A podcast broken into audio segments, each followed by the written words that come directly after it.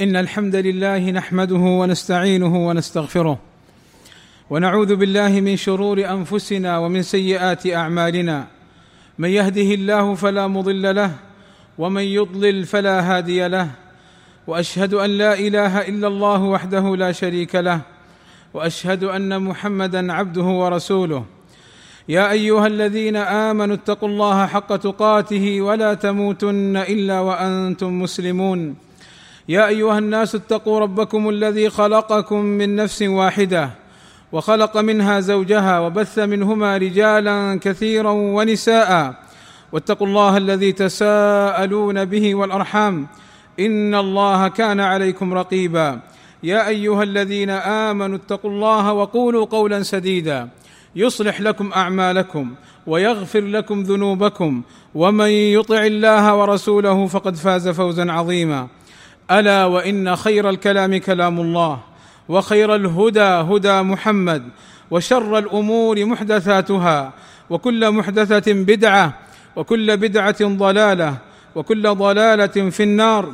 أما بعد فيا أيها المؤمنون اتقوا الله تعالى وراقبوه فإنه يعلم خائنة الأعين وما تخفي الصدور ولا يغرنكم بالله الغرور. أيها المؤمنون إن شهر الله المحرم شهر حرام جعله الله من الأشهر الحرم وفي اليوم العاشر منه أنعم الله فيه على نبيه موسى عليه الصلاة والسلام بأن نجاه من بطش فرعون من بطش فرعون وظلمه فأغرقه وجنوده ونجى الله نبيه وقومه فصام ذلك اليوم شكرا لله على هذه النعمة.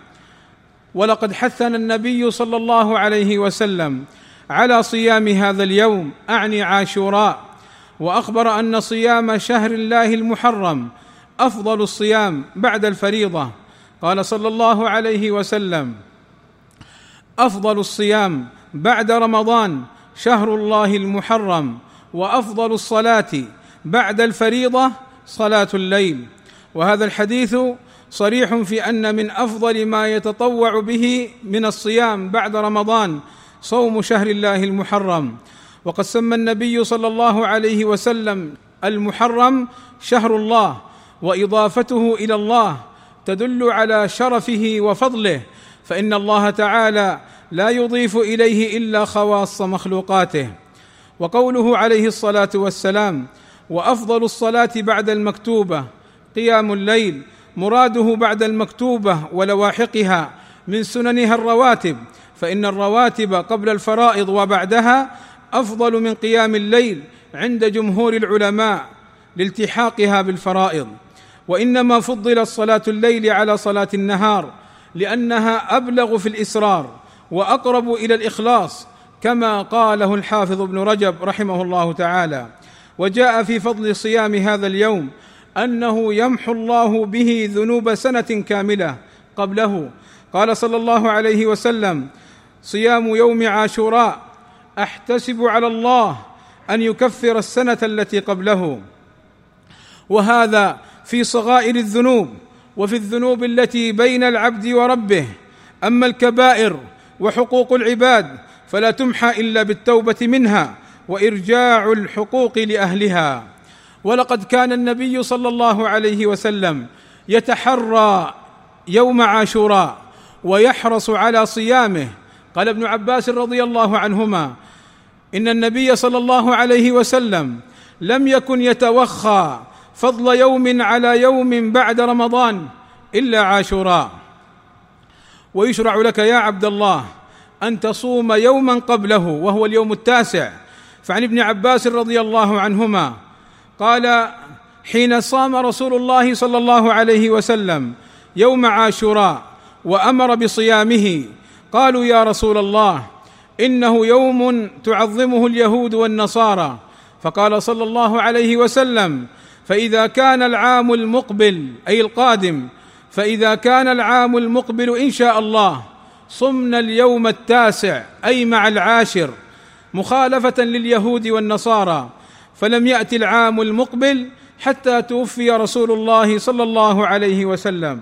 وأما حديث صوموا يوما قبله وبعده يوما وفي رواية صوموا يوما قبله أو بعده يوما فهو حديث منكر لا يصح عن النبي صلى الله عليه وسلم.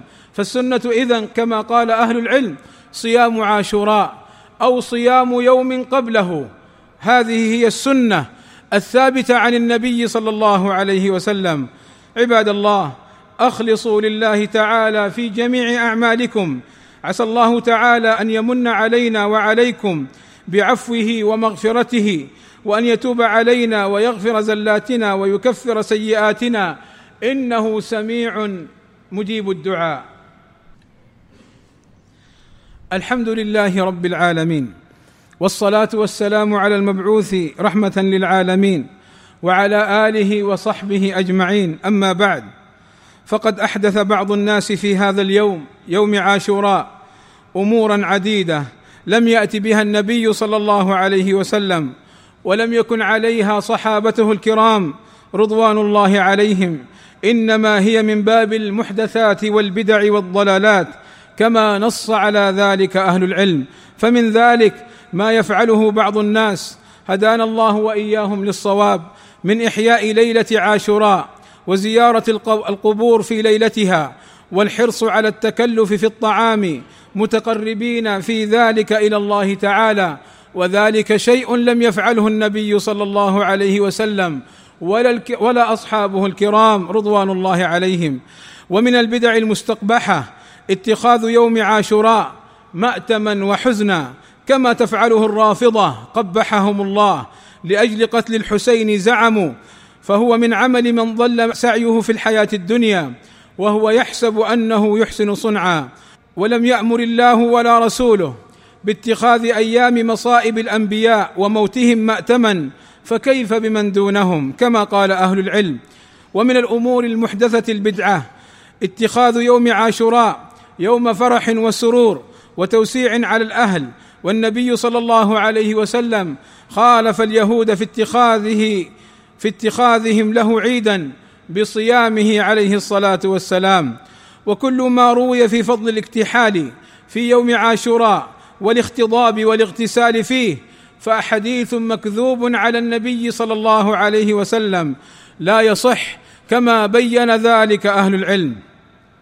فاحذروا عباد الله من البدع وتقربوا إلى الله بشرعه ولا تضيعوا أعمالكم وأعماركم فيما لا ينفعكم بل قد يكون وبالا عليكم. فالبدع والمحدثات وبال على الفرد والمجتمع.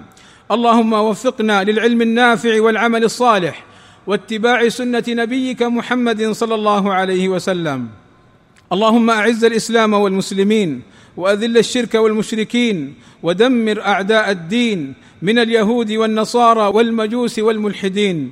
اللهم اغفر للمسلمين والمسلمات والمؤمنين والمؤمنات الأحياء منهم والأموات. اللهم إنا نسألك الهدى والتقى والعفاف والغنى. اللهم وفق ولي أمرنا لما تحبه وترضاه. اللهم واحفظ به البلاد والعباد واحفظه من كل سوء. اللهم آتنا في الدنيا حسنة وفي الآخرة حسنة وقنا عذاب النار وصلى الله وسلم على نبينا محمد وعلى آله وصحبه أجمعين والحمد لله رب العالمين